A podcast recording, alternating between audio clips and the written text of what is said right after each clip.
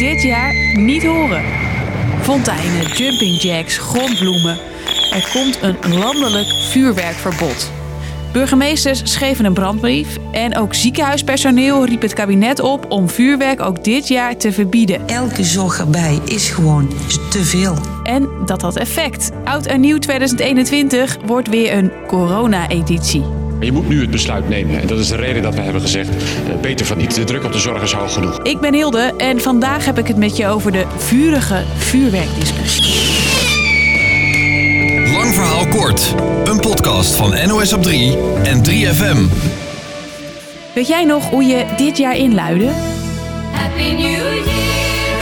Was het in ieder geval een stuk stiller dan bij andere jaarwisselingen. Vorig jaar gold een vuurwerkverbod om zo te voorkomen dat de ziekenhuizen het nog drukker kregen dan ze door corona al hadden. En dat werkte. Verslaggever Wilco Boom heeft de cijfers. Er raakten veel minder mensen gewond eh, dan andere jaren door vuurwerk.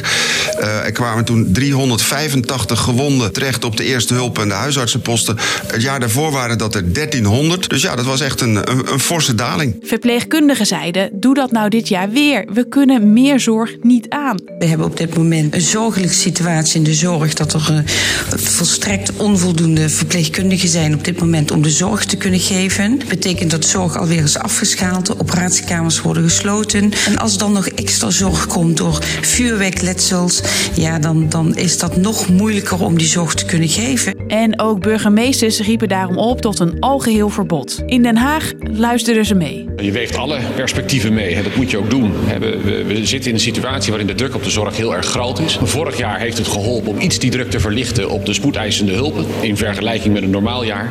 En dat is de reden dat we het ook dit jaar doen. Wel of geen vuurwerk met oud en nieuw, de discussie is er niet alleen in coronatijd. De groep die voor een verbod is, wordt elk jaar groter. Dus dit was nieuws in januari 2020. Een grote meerderheid van de Nederlanders is voor een algemeen vuurwerkverbod. Blijkt uit een onderzoek van INO Research. En ook oogartsen vragen al veel langer om een verbod. Voor hen is oud en nieuw al lang geen feestje meer. Nou, dit is een uh, nacht om niet te vergeten. Uh, het was uh, ja, nachtmerrie, horrornacht. Vuurwerk zorgde er de afgelopen tien jaar voor dat zo'n 15.000 mensen naar het ziekenhuis moesten. Zo'n 5.000 mensen verloren handen of vingers. En 2500 mensen hadden oogletsel, zoals Sam van 15. Ik was bij een uh, huis van een vriend van mij. Toen stak ik iets af. En dat ging niet met het lont rustig mee, maar dat ging gelijk naar beneden. En dat ging gelijk af in mijn gezicht. En ook de Onderzoeksraad voor Veiligheid en de politie pleiten al langer voor een vuurwerkverbod. Er vallen te veel slachtoffers en de handhaving voor hulpdiensten is veel en zwaar werk. Luister even hoe de politie in 2019 reageerde toen ze hoorden dat er een verbod op het zwaarste knalvuurwerk zou komen. Nou, dit gaat om uh, vuurwerktypes uh, die op onze mensen worden afgeschoten en gegooid. Uh, en het voornemen bestaat om die types uit, uh, ja, uit de markt te nemen. Dus daar zijn wij zeer bij gebaat. Vuurwerk maakt de boel een stukje onveiliger dus. En dan hebben we het ook nog niet gehad over luchtvervuiling, geluidsoverlast, troep op straat en huisdieren die doodsbang zijn voor die knallen.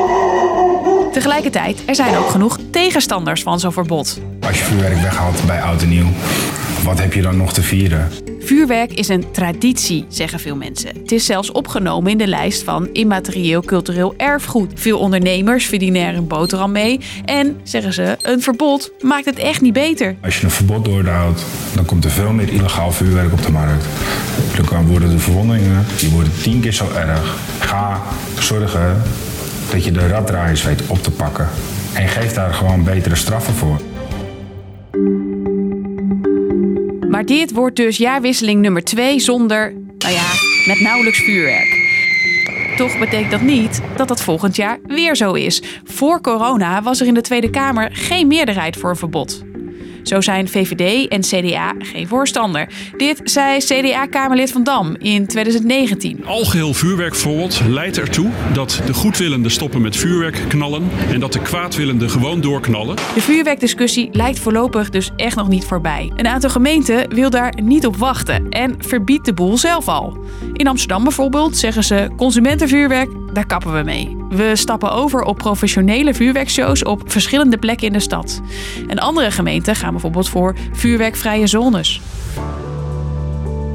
Dus Lang verhaal kort. De een vindt het fantastisch en van de ander hoeft het nooit meer terug te komen. De discussie hierover is inmiddels ook traditie.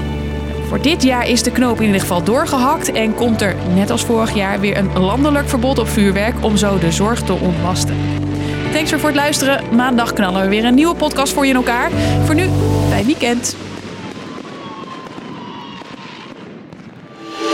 3FM Podcast. Stel, je bent 30 jaar, verliefd op de leukste vent van de stad. Hoi, ik ben Lex Uiting. Ja, en Suus is natuurlijk de leukste vrouw van de stad. Je hebt eindelijk je droombaan te pakken. En je grootste wens is om ooit een kindje te krijgen.